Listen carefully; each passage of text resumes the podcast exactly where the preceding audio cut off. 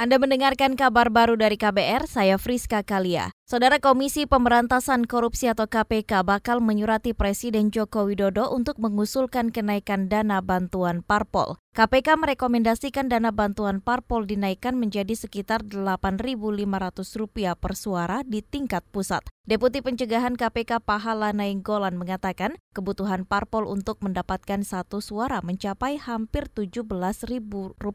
Hal ini berdasarkan hasil penelitian yang dilakukan bersama LIPI terhadap lima parpol besar. Dari besaran kebutuhan tersebut, separuhnya ditanggung oleh negara. Gitu, jadi kita akan sebutkan bahwa basis pemikirannya sama, 50 persen dari dana partai akan ditanggung negara, jadi 50 persen lagi tetap partai supaya ada otoritas atau otonomi partai. Yang 50 persen yang ditanggung negara itu akan dibarengi dengan prasyarat kinerja. Deputi Pencegahan KPK Pahala Nainggolan menambahkan skema pencairan dana diusulkan bertahap dan terjadwal. Kebijakan ini diharapkan bisa menekan korupsi politik. Meski dapat kenaikan dana bantuan, parpol wajib menjalankan sistem integritas partai politik dan siap diaudit oleh BPK.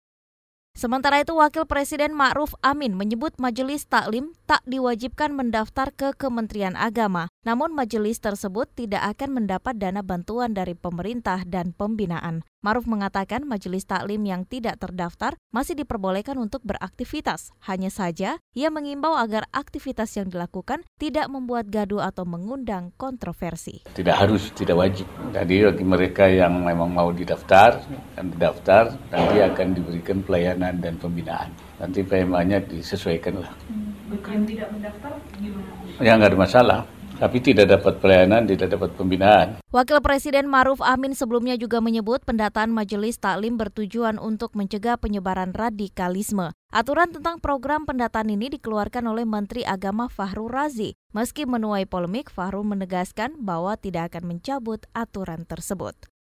Beralih ke informasi lain, Perum Bulog mendorong percepatan penyediaan beras bervitamin atau fortifikasi untuk menekan jumlah kasus stunting atau kurang gizi kronis. Direktur Pengembangan Bisnis Bulog Imam Subowo mengatakan, sosialisasi ke masyarakat akan digencarkan untuk mengenalkan beras itu. Saat ini penyediaan beras fortifikasi diutamakan untuk daerah dengan angka stunting tinggi seperti NTT. Kita baru punya mesin untuk mixer, itu baru tiga Nah tentu kalau kelihatan seluruh Indonesia ini kan butuh banyak. Tapi nggak apa-apa, tiga itu pun kita proses rata-rata bisa satu hari itu bisa 12 ton sampai 18 ton. Artinya dari sisi penjualan kita memang belum kalkulasi penjualannya berapa, tapi lebih banyak sosialisasi. Kita pengen pemahaman masyarakat, pemahaman pemerintah mengenai fortifikasi ini tahu dulu. Itu yang paling dasar.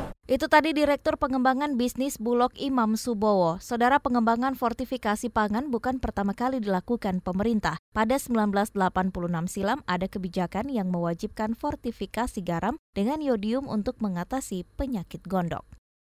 Kita menuju ke Jawa Tengah, puluhan warga dari enam wilayah di Cilacap, Jawa Tengah mengungsi karena rumahnya rusak diterjang angin kencang yang disertai hujan lebat. Enam wilayah itu antaranya Wanareja, Majenang, Cimanggu, Daye Luhur, Cipari, dan Sidarja. Kepala Seksi Kedaruratan BPBD Cilacap Heru Kurniawan mengatakan telah mendata sejumlah pengungsi dan rumah rusak. Warga yang rumahnya ambruk atau rusak berat akan mendapat bantuan bahan bangunan. Sampai dengan saat ini kita dari BPD sudah, uh, sudah mengirimkan bantuan bahan baku rumah, baik itu waspeseng, kayu balok dan sebagainya maupun peralatan sekolah, peralatan dapur. Untuk sementara ini korban jiwa tidak ada, Kepala Seksi Kedaruratan BPBD Cilacap Heru Kurniawan mengimbau warga mewaspadai bencana hidrometeorologi seperti hujan ekstrim, angin kencang, banjir, dan longsor pada awal musim hujan ini. Terlebih curah hujan diperkirakan bakal terus meningkat. Demikian kabar baru dari KBR, saya Friska Kalia.